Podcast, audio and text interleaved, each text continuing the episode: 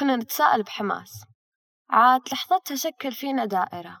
والله العظيم ما أنسى هذيك اللحظة. كل البنات اللي معاي رجعوا لورا بنفس الثانية. إلا أنا ما كنت أدري إيش فيه. ولعل غريزتي كانت متخلفة عنهم بثواني. هذا البودكاست من إنتاج محتويس.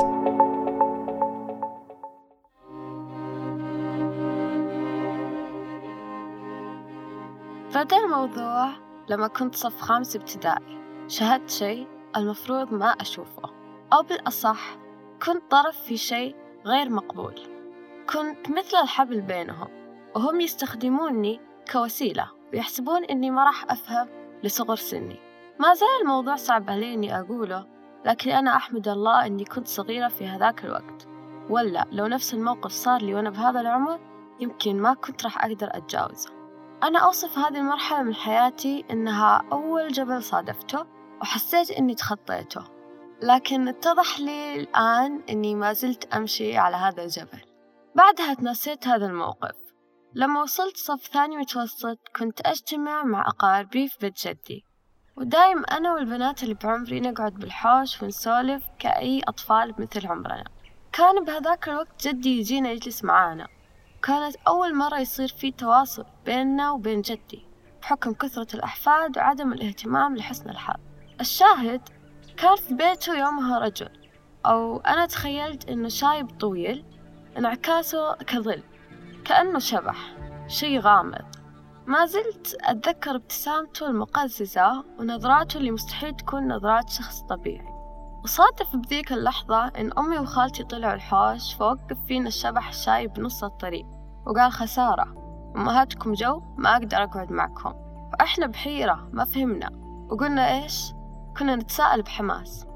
عاد لحظتها شكل فينا دائرة. والله العظيم ما أنسى هذيك اللحظة. كل البنات اللي معاي رجعوا لورا بنفس الثانية إلا أنا ما كنت أدري إيش فيه. ولعل غريزتي كانت متخلفة عنهم بثواني. وما حسيت إلا بضيقة وكتمة صدر قوية كلنا بهذيك اللحظة شردنا وأنا أتلفت حولي كنت أبي أمي تنقذني ولكن حسبت إنها ما شافتني.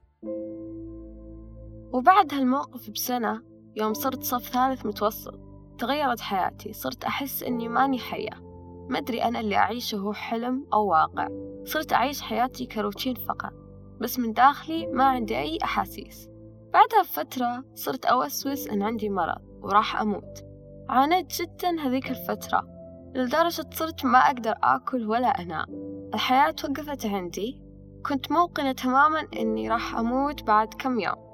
لدرجة أتذكر كانوا أقاربي بيسافرون في الإجازة وأنا كنت أجلس أتأملهم. أقول يعني هذه آخر مرة راح أشوفهم فيها بعدها صرت غريبة. لاحظت إني أكرر أفعالي وأعلق عندها. وما أدري إيش فيني. يعني مثلا لما بطفي اللمبات أقعد أطفيها أطفيها أطفيها. أعلق تقريبا إلى ما لا نهاية. لما أمشي أكرر خطواتي. ما أدري إيش هذا. حتى أتذكر رحت لأمي قلت لها أحس فيني طاقة زايدة ولازم أروح نادي. كنت فعلا أظن كذا.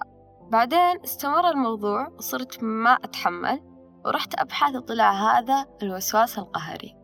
عانيت جدا جدا صارت الحياة لا تحتمل وأحس أني إذا ما سويت هذه التكرارات راح أموت أنا أو أحد من أهلي.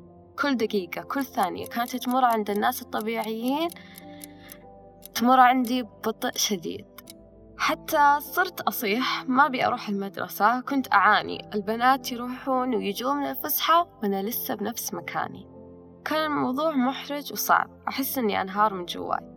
في هذاك الوقت صارحت أمي قلت لها أبي أروح دكتور نفسي ورفضت الموضوع قالت لا أنت ما فيك شيء هذا كله دلع. مع العلم كل هذه الأحداث صارت لي وأهلي ما يعرفون عنها أي شيء. كنت لما أقول لأمي فيني وسواس قهري وأتعب من تكرار الأشياء كانت تقول لي وقفي. يا ليت الحياة بهذه السهولة. وبعد معاناة أمي طشت مني ولأني صرت أصيح ما أبي أروح المدرسة. قالت لأختي وديها دكتور نفسي. رحت أول شي الاستشاري يشخص حالتي حولني على أخصائية وكان العلاج صعب جدا ومو بهذه السهولة. بعد جلسة وجلستين هنا أختي طفشت وقالت ما عاد بوديك روحي بنفسك. أنا وقتها كنت صغيرة أول ثانوي وما قد طلعت لحالي لكني تشجعت ورحت. وكان الطريق مخيف مخيف جدا لدرجة أحس روحي مو بجسمي. وبعدها صرت أنا أروح الجلسات بنفسي. وأدفع تكاليفها من فلوسي الخاصة. وكان الموضوع صعب وأنا ما عندي أي مصدر دخل وتكاليف الجلسات والله مو بهينة. بعدين يمكن بالجلسة الخامسة الأخصائية قالت أنصحك تتجهين للعلاج الدوائي. وعلمت أهلي بالموضوع ورفضوه وقالوا هذه اللي مشاكلهم مزمنة مو زيك بس دلع. وأنا فعلا بهذاك الوقت حسبت إن مشكلتي بسيطة زي ما يقولون. بعد هالجلسات ما صارت تنفعني. ويأست صار الموضوع صعب علي ماديا وما ظهرت أي نتائج. وقفت أروح. حاولت أحل مشكلتي بنفسي. قعدت سنة وأنا أعاني.